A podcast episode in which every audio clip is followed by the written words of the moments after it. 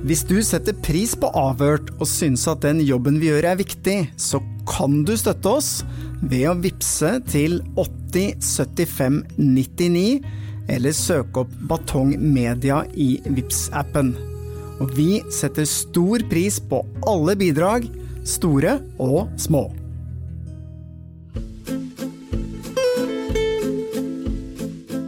Er det likhet for loven? Det kan virke som om dette ikke stemmer i Sør-Øst politidistrikt. I hvert fall ikke når det gjelder tidligere ansatte i politiet. Dette er historien om kongen av Kongsberg. En tidligere høyt ansett politimann som angivelig ikke har gått av veien for å svindle, bedra og utnytte venner, familie, tidligere kollegaer, ansatte og det offentlige Norge i over 20 år. Han er anmeldt 23 ganger, men politiet henlegger alle sakene mot ham. Hm. I denne podkastserien ser vi nærmere på forretningsvirksomheten til ekspolitimannen, og vi avdekker forhold som ikke bare er ulovlige, men i verste fall kan ha ført til at mennesker har blitt alvorlig syke. Vi har gitt ekspolitimannen tilbud om å fortelle sin historie i podkasten, og han har fått mulighet til å høre denne episoden. Men han ønsker ikke å snakke med oss. Jeg har ingen kommentarer. Du tar kontakt med advokaten min, ok? Ja, det skal vi gjøre. Men et titalls personer som har blitt svindlet, utnyttet og utsatt for seksuell trakassering, har fortalt oss hva de har opplevd. Dette er Kongen av Kongsberg, en podkastserie fra Avhørt. Del to Sikkerhetsselskapet.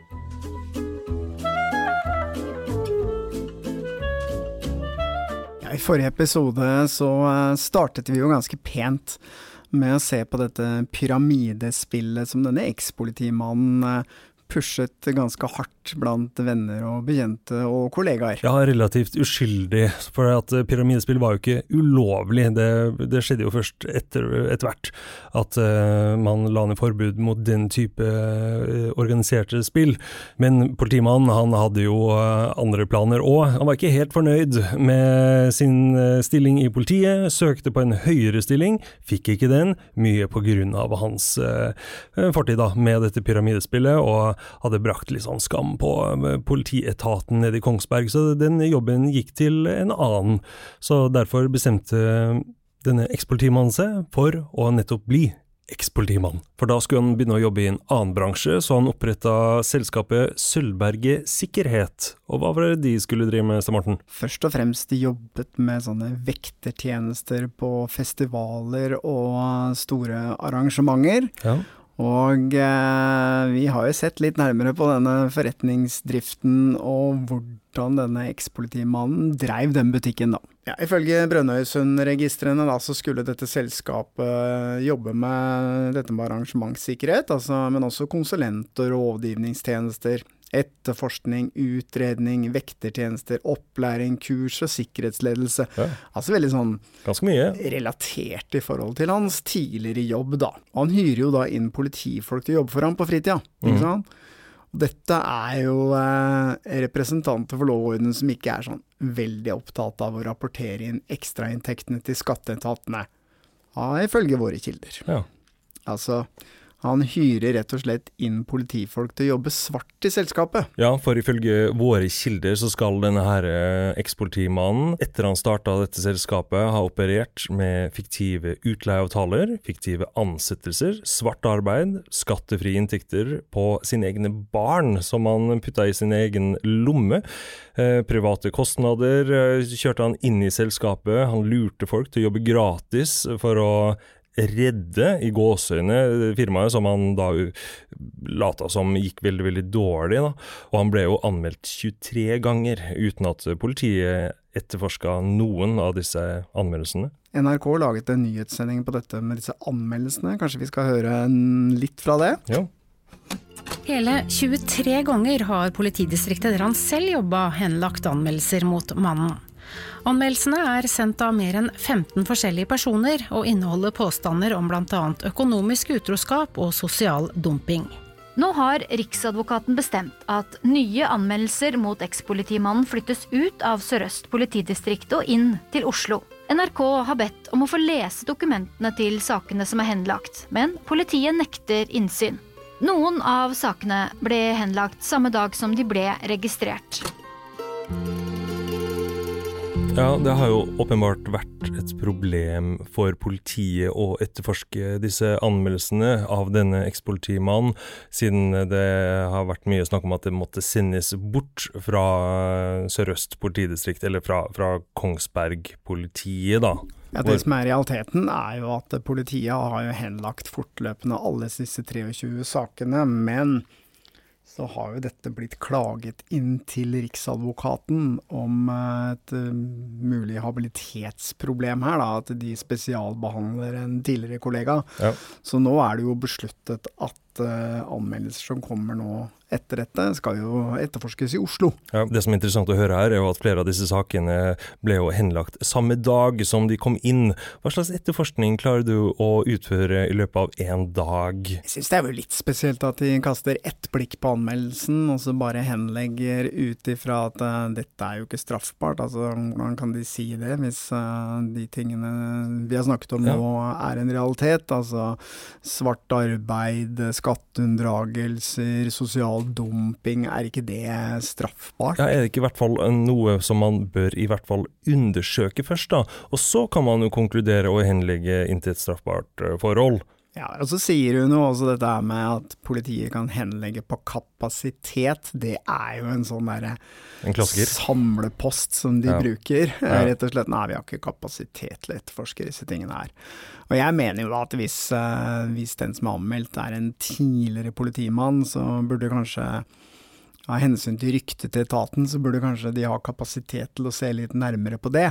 Men det jeg reagerer mest på, det er at NRK ikke får innsyn. Nei. De nekter NRK å få innsyn i anmeldelsene og begrunnelsene. Mm. Og hvorfor gjør de det?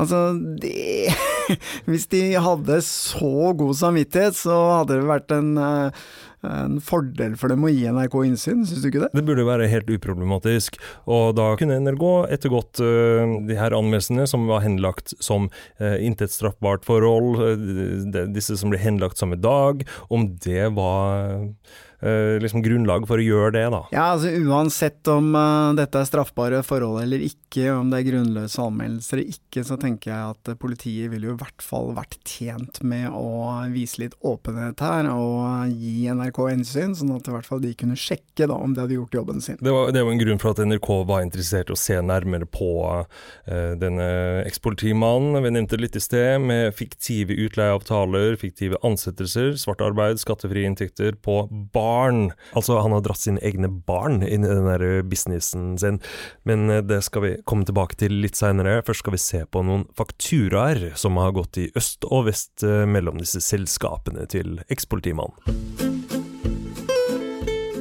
Her er det denne ekspolitimannen som fakturerer sitt eget sikkerhetsselskap. Det har man jo lov til, men vi skal òg huske at uh, denne eksporttimannen var jo ansatt i dette sikkerhetsselskapet og mottok en fast lønn som daglig leder. Da er det jo litt spesielt at du i tillegg sender fakturaer til uh, selskapet for konsulentbistand når du ja. har en fulltidsstilling i det selskapet og tar ut lønn. Den er vel uh, litt sånn merkelig, men ut ifra det vi har fått oversendt, så har han altså sendt 52 fakturaer fakturaer fra sitt private selskap til sikkerhetsselskapet. Totalt så utgjør dette 1 807 000 kroner.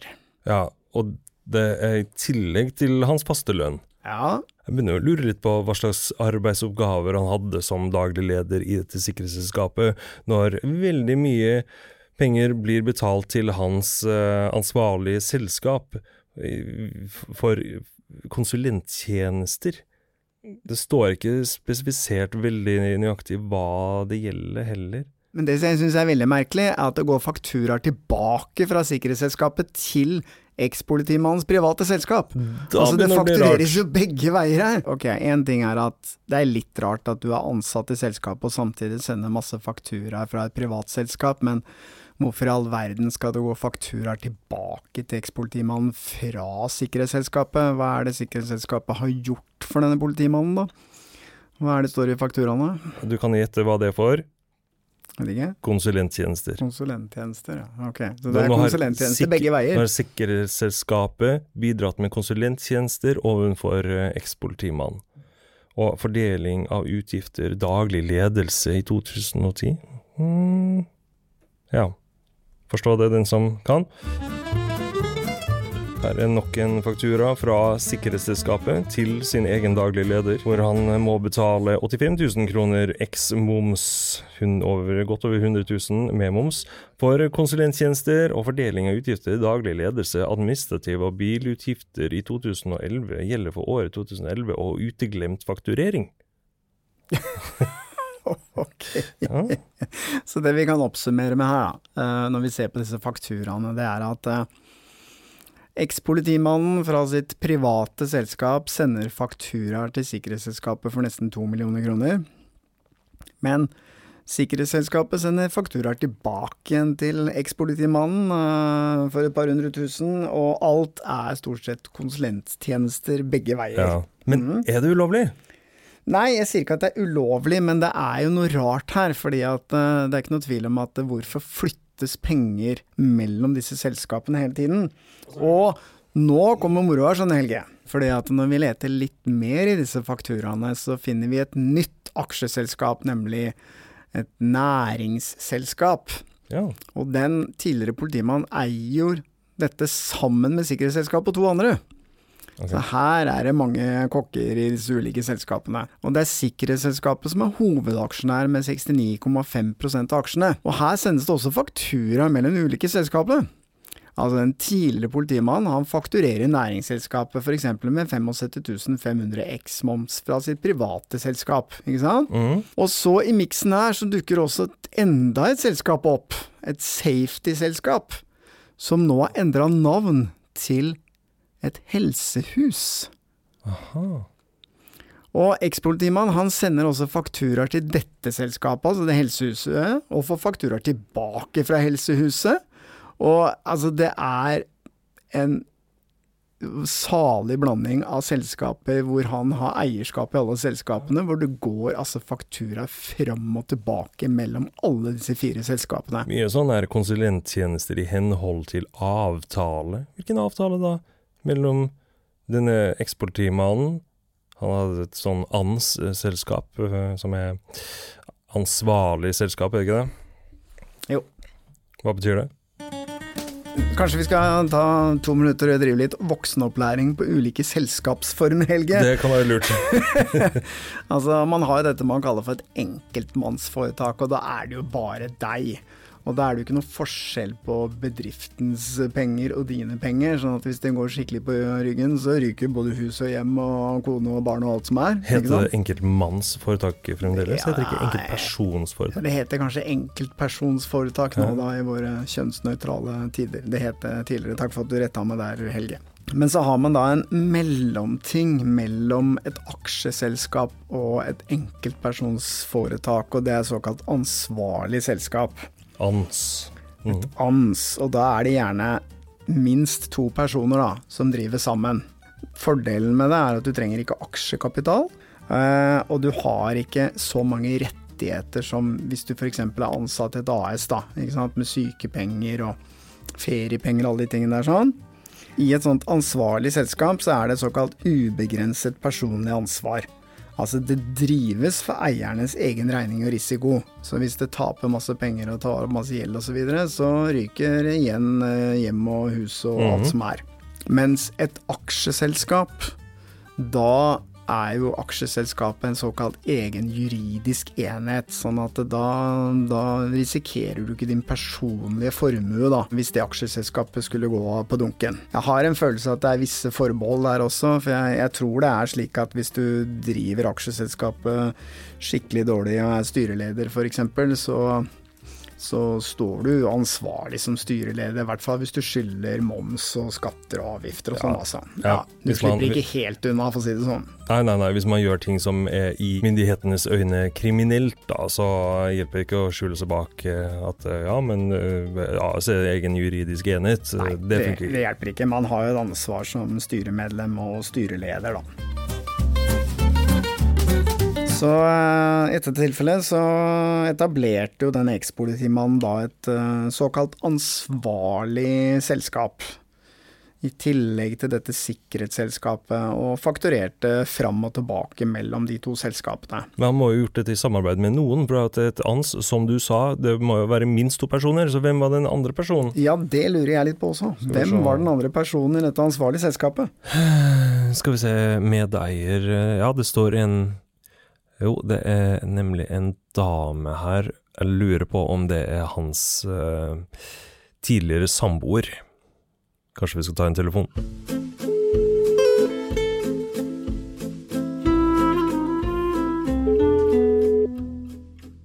Ja, hei. Det Hei du, dette er Stein Morten Lier fra podkasten Avhørt som ringer. Jeg har bare et par spørsmål til deg i forbindelse med hans forretningsdrift. Ja. Hva, det, vi har gått gjennom en del dokumenter og funnet ut at Eh, det har gått en del fakturering mellom eh, det sikkerhetsselskapet og denne ekspolitimannens eh, private selskap. Men i begge selskapene så sto jo du også oppført som eier.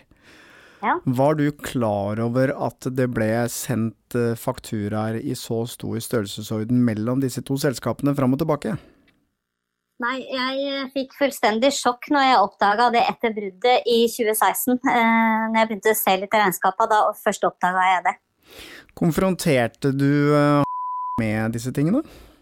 Ja, jeg tok det opp i styremøtet på våren sammen med tidligere styreleder og i generalforsamling og, og i styremøter. Så konfronterte jeg det med masse av de forskjellige fakturaene og dette som jeg fant i i regnskapet, som meg fremsto som fiktive. Jeg varsla også revisor og regnskapsfører om, om eh, de forholda. Men Fikk du noen forklaring på hvorfor det var sendt fakturaer mellom disse to selskapene? Nei, det var han i sin fulle rett til å, å fakturere akkurat sånn som han ønska, så det hadde ikke jeg noe med å stikke nesa mi borti, var det jeg fikk beskjed om. Alle disse pengene, til sammen 1,8 millioner kroner som gikk fra sikkerhetsselskapet ekspolitimannens ansvarlige selskap, vet du hva de pengene ble brukt til? Altså på, jeg har funnet fakturaer på ulike måter at han har overført de pengene til, til seg sjøl.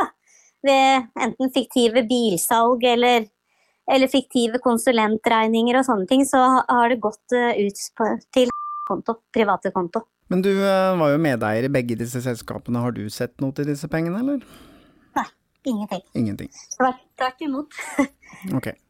Ja. Hva visste du om eh, alle disse ulovlighetene som foregikk i disse ulike selskapene, da? Nei, altså jeg visste ingenting per, eh, per 2016. Jeg fikk beskjed om at alt var kvalitetssikra og godkjent av revisor, og da hadde ikke jeg noe grunnlag til å stille spørsmål. Jeg stolte jo på revisor og tidligere styreleder eh, i saken her. Dette er jo forhold som, eh, som videre er anmeldt da, og ligger til etterforskning i Oslo, så da, av den grunn så syns jeg ikke at jeg skal uttale meg så mye mer om det før partiet har etterforska de sakene ferdig. Ja, Da er jeg bare nødt til å avslutte den uh, samtalen her, så ønsker jeg dere god helg.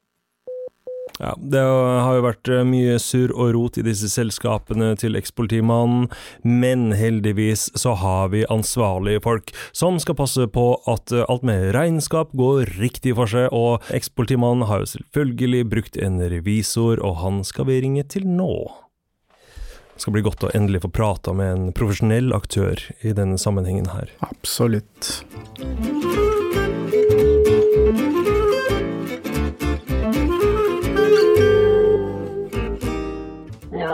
Du, ringer fra en podkast som heter Avhørt.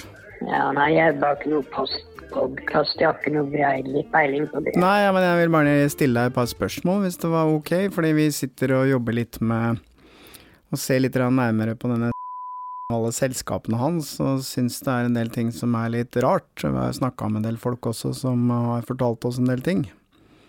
Ja, men jeg har ikke noe peiling på noe postkatt eller noe sånt. Nei, jeg, jeg skjønner ikke noe i hele tatt. Jeg så jeg tror jeg står over det greiene der jeg ikke veit noe om det. Men du var revisor for var du ikke det, da? Nei, jeg har aldri vært det. Har du aldri vært revisor for Ha det godt. Oi. Ok, dette var en av uh, han var ikke en av revisorene til dette til tross for at jeg her sitter nå med en kopi av en mailkorrespondanse mellom denne personen, som nekter for at han var revisor for ekspolitimannen, og en annen regnskapsfører som var engasjert av den tidligere samboeren, som òg var en deleier i dette sikkerhetsselskapet. I denne mailen så forsøker denne, han som nekta for at han hadde noe med dette å gjøre, han forsøker da å forklare flere uttak. Jeg siterer det var slik før at man kunne ta ut av ANS uten å bli skattet. Dette medførte tidligere år at man fikk negativ egenkapital. Jeg mener å huske at vi her greide å få godskrevet ganske mye negativ egenkapital da jeg gjorde oppgjøret første gang. Så han har tydeligvis gjort det her flere ganger for ekspolitimann, siden han refererer til den første gangen.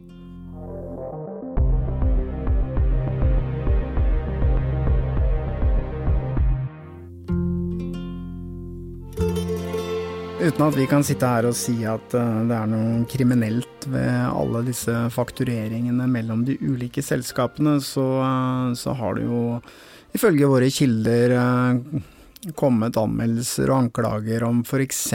politimenn som har jobbet svart i sikkerhetsselskapet. Og vi har jo, Helge, fått en liste over alle disse politifolka. Det har vi. Kanskje vi skal ringe dem?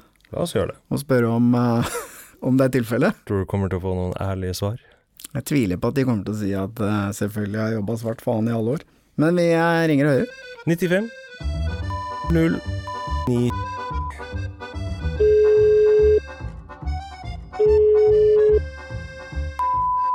Ja, hei du, dette er Stein Morten Lier som ringer, du.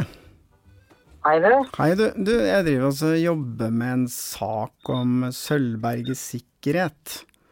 Ja. Så har jeg bare fått opplyst om at du har jobba for det selskapet, stemmer det, eller?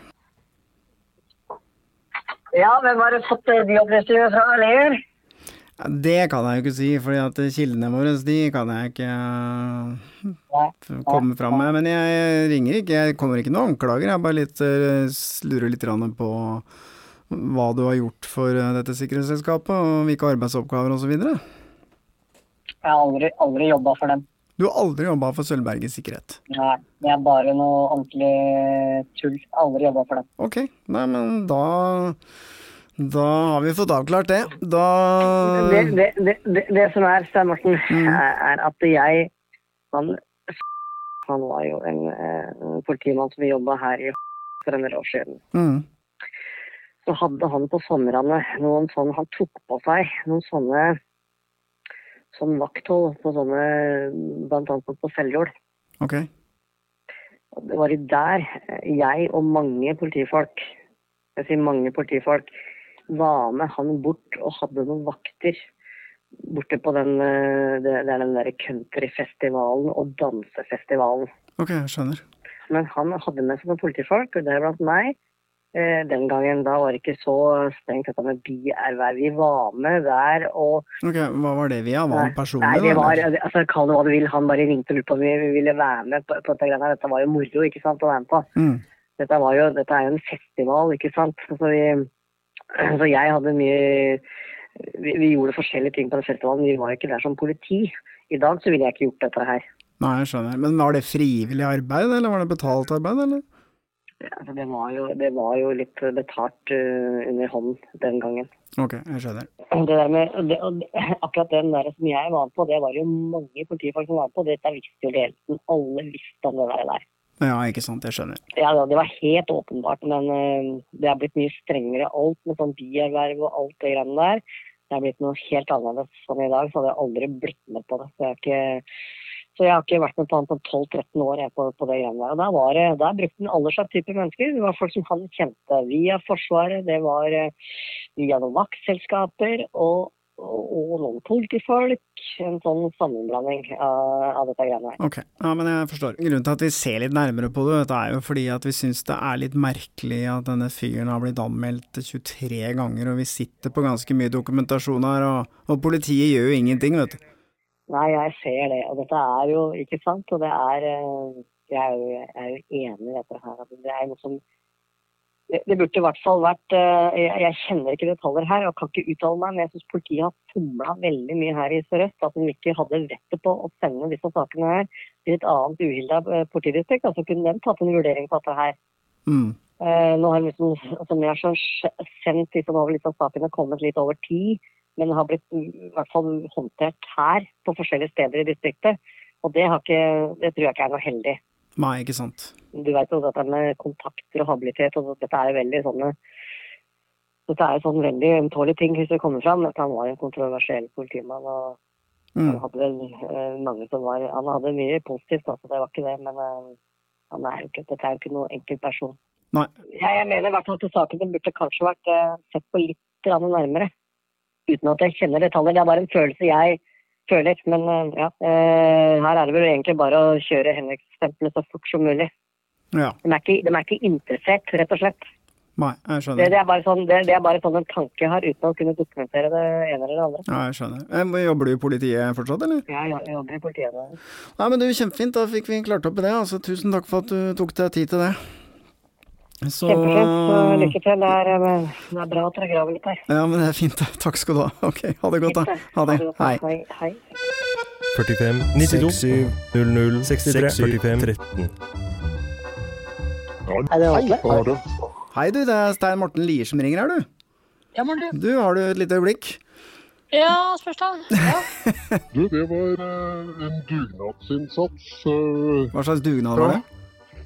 eh, vakthold eh, Men når du sier dugnad, var det gratisarbeid? Da jobba dere gratis for Nei, det var, eh, det var jo altså Altså, jeg jobber Jeg tar noen, eh, noen oppdrag for Sølvberget sikkerhet eh, etter at jeg ble pensjonist. Ja, det er riktig. Si det veldig sånn kort og forklart, så jobba jeg for eh, Og eh, fikk ikke betalt, så da bare dreit jeg det. Jeg har jobba to ganger. Ja, Men var det ok på den tida å ha sånne biverv? Det var altså Det, det, det tør jeg ikke svare, nå tør jeg ikke svare ordentlig på. Det er veldig trist for etaten sin del, syns jeg. Du kjenner godt til etaten, du òg. Ja, det. Ja, ja, eh, så jeg hadde erfaring på skolen. Ja, det er gøy. Det er, ikke, det, er, det er ikke sånn man skal drive business. Skjønner. fordi han eh, ikke kunne forholde seg til avtaler. Ok. Ja, Men Hvordan da? Betalte han ikke, eller han betalte, betalte ikke. Han betalte ikke, nei. Han var jo vanskelig å samarbeide med. Det var jeg og mitt, så jeg visste best. Eh, nei, han eh, kom aldri og betalte, så bare sa jeg det der er fuck it, liksom. Det der eh, gidder jeg ikke. Jeg tror ikke jeg vil uttale noe om det, egentlig. Hva var ditt inntrykk av han som liksom forretningsdrivende på Kongsberg, da? Useriøs. Jeg ble spurt, svarte rimelig kontant for. Men, men vil du si at den er en redelig forretningsmann, eller? Nei, han er ikke redelig. Som han, eh, han, har- han er en bulldoser, da. Bulldoser. Det har vi for så vidt hørt før, at han uh, han er ikke helt enkel å legge seg ut med. Mm. Det mest oppsiktsvekkende syns jeg ikke at det er noen politifolk som har jobba litt uh, svart for denne ekspolitimannen, men det er klart at ledelsen har vært fullstendig klar over at en hel haug av deres ansatte holdt på med det, og egentlig bare liksom stilltiende samtykke til at det var greit, det er jo veldig kritikkverdig.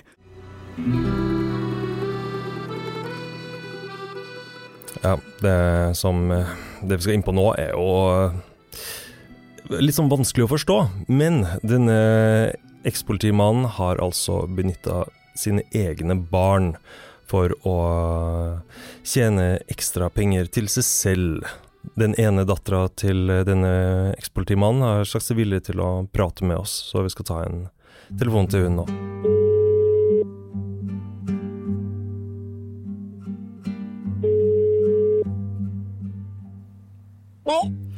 Hei, dette er Stein Morten Lier som ringer, du. Hei. Hei, har du fått beskjed om at jeg skulle ringe til deg? Ja, det har jeg fått, så jeg var klar over det. Går det bra at vi tar en prat nå? ja. Men ja. Jeg forstår det slik at eh, faren din har jo brukt deg og søsknene dine som arbeidskraft i firmaet sitt. Kan du fortelle om det? Eh, ja, da var det sånn at eh, uten at vi hadde kjennskap til det, så meldte pappa meg og mine tre søsken inn som håndmåkere i brøyteselskapet. Og så ble vi barna satt til å jobbe i det han kalte familieselskapet, da, og gjøre sånne småjobber som f.eks. Eh, småjobber på tomta og det å sende ut brev og sånn. Um, og det var veldig viktig at alle måtte hjelpe til i det. Da. På tross av at vi ikke hadde kjennskap til, at, uh, til vår ansettelse i brøyteselskapet, så uh, kjørte han lønninger på oss og tok de ut av kontoen vår uh, og til seg selv. Og det var noe ingen av barna var kjent med før lenge etterpå. Da. Ok, så hvis jeg forstår deg riktig nå, så jobbet dere barna litt sånn dugnadsinnsats for dette selskapet, og så tok han ut lønninger på deres vegne, da skattefritt går jeg ut fra, for du kan jo tjene inntil frikortgrensa i hvert fall? Ja, mm. det er riktig. Og det ble ført inn på kontoen din? Ja, det gjorde det. Og så Det var noe som var til felles med alle oss, da. Det kan du se på kontoen vår fra lengre tid tilbake. At han hadde satt inn det som tilsynelatende var lønn, da, eh, i form av vår ansettelse i brøyteselskapet, eh, for å så ta ut de pengene igjen. Og det var jo åpenbart at det var for å slippe å betale skatt eh, på hans vegne, da. Men visste, du at, visste noen av dere og du at du var ansatt i dette brøyteselskapet? Nei, det visste ikke vi før lenge etterpå, så det var vel i 2017, tror jeg, at jeg konfronterte han med kontoutskriftene, da. Okay. Og da ble jeg fortalt uh, Han la veldig vekt på at uh, det var banken som hadde gjort feil, og at han ikke um, hadde gjort noe galt. og da var jeg jo veldig sånn Det står her svart på hvitt at det er det du har gjort. men allikevel så ga han seg ikke, da. Mente at det var banken som hadde gjort feil på det området der. Hvor gammel var du da?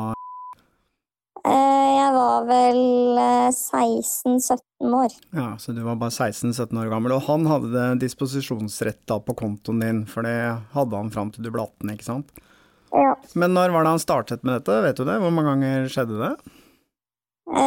Eh, jeg tror, for det er jo fra du er 13 at du kan uh, få frikort, tror jeg. Og jeg tror at han uh, starta med det fra da jeg var 13 år, og holdt det gående. Da. Og så var det jo da jeg ble 18 at jeg med en gang fjernet han som disponent fra kontoene mine, da. for da ville jeg ikke at han skulle ha noe å gjøre med pengene mine i det hele tatt. Så jeg var veldig redd for tanken på at han kunne bare ha full oversikt over hva som skjedde der. Mm, og gå inn og eventuelt ta det ut hvis han ønsket det.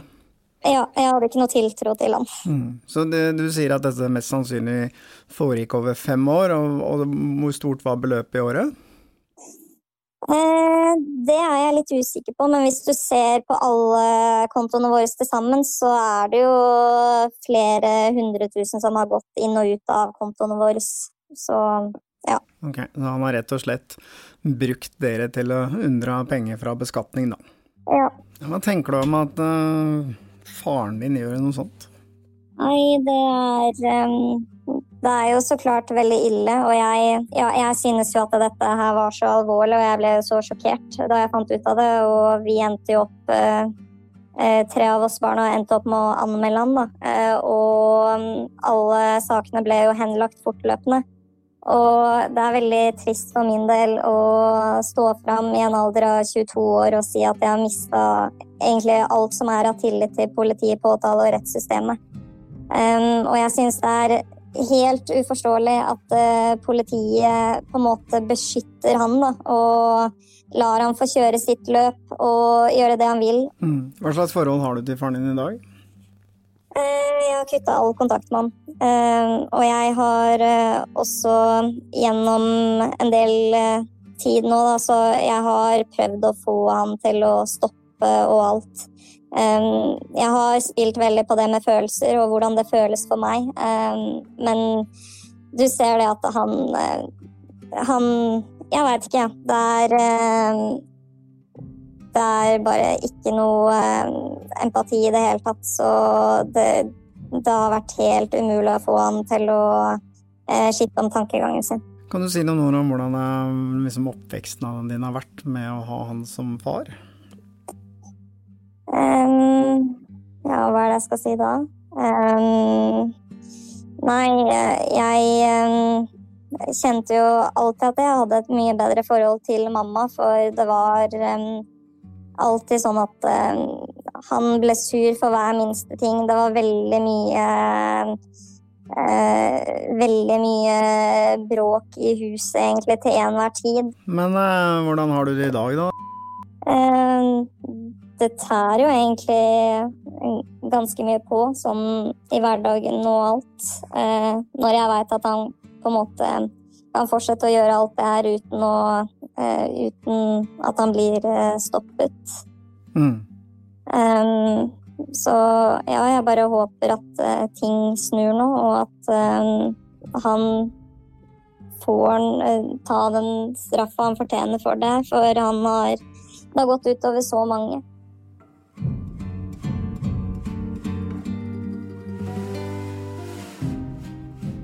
Det er nesten fascinerende at det går an å være så frekk. Men vi må ikke glemme at dette er en fyr som har jobbet med økonomisk kriminalitet i politiet, og var en uh, veldig god etterforsker der. Og han har jo lært seg alle triksene, og jeg får bruke uttrykket som en annen politimann uh, sa da jeg fortalte om det. Å ja, han har hoppa over gjerdet.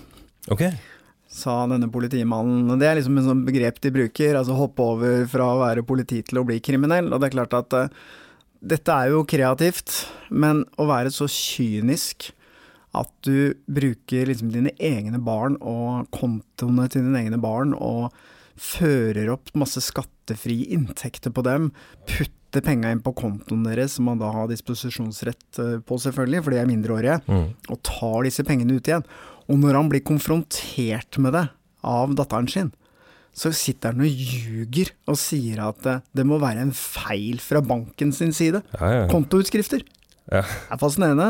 Det er jo tydeligvis ikke ulovlig å gjøre dette her, og registrere ditt barn som eh, arbeidstaker i ditt eget firma, eh, bak deres rygg, sette penger inn på deres konto og ta det ut igjen.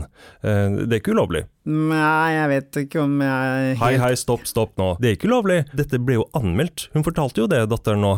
Hun hadde anmeldt dette det blir henlagt. Ergo, det er ikke ulovlig. Så dere andre nede i Kongsberg der, sett i gang, gjør det samme. Bruk deres barn for å berike dere selv. Nå vil jeg bare korrigere meg at at politiet henlegger en sak betyr jo ikke nødvendigvis at det ikke er begått et lovbrudd. Det er det, det som er jobben de... deres. Ja. Vi skal håndheve loven. Mm. I dette tilfellet, med kongen av Kongsberg, så virker det som om politiet ikke er interessert i det hele tatt å gå etter han og se nærmere på de anmeldelsene. En mann som er anmeldt 23 ganger, og hvorfor politiet da ikke ønsker å se nærmere på en ekskollega. Og vi har hørt, det er ikke våre ord, men det er mange som har sagt til oss, at de tror at grunnen til at politiet i Sør-Øst ikke er så interessert i å etterforske denne ekspolitimannen, er fordi at det er noen uheldige bindinger der. I neste episode av Kongen av Kongsberg. Men hvordan var din erfaring med dette helsehuset, da? Altså, Jeg må jo si at jeg syntes det var rart han kom inn i det. For jeg kjente jo han som etablerte helsehuset der ute. Han var lykkelig da vi hadde julebord f.eks. på Grand Hotell i Kongsberg. Og og det viste seg at ribba vi fikk servert, den var, den var drittdårlig. Sånn at uh, vi, vi, slapp å betale for det julebordet. Da, det, det, var, det, var, en sånn ting som han som han, han syntes det var mye morsommere at vi slapp å betale enn at vi hadde fått dårlig mat. Jeg oppfatta jo det som at det var på en måte en slags uh seksuell tilnærming, da. Det begynner å bli ubehagelig. Så daglig leder som eh, var anklaget for å trakassere ansatte seksuelt, skulle selv ta ansvar for å finne ut av om det var reelt eller ikke? Er det du sier? Ja, det var vel daglig leder, det som hadde ansvaret for det. Så trua han med at jeg ville miste praksisplassen min hvis jeg ikke gjorde som han ba meg om. Vi har vært i kontakt med ekspolitimannens advokat, som har fått mulighet til å høre hele denne episoden, men han har valgt å ikke komme med noe tilsvar. Avhørt er produsert av Batong Media. Redaksjonen vår består av Stein Morten Lier, Helge Molvær og Lars Christian Nygårdstrand. For å komme i kontakt med oss og se eksklusivt innhold, følg oss på Facebook og Instagram.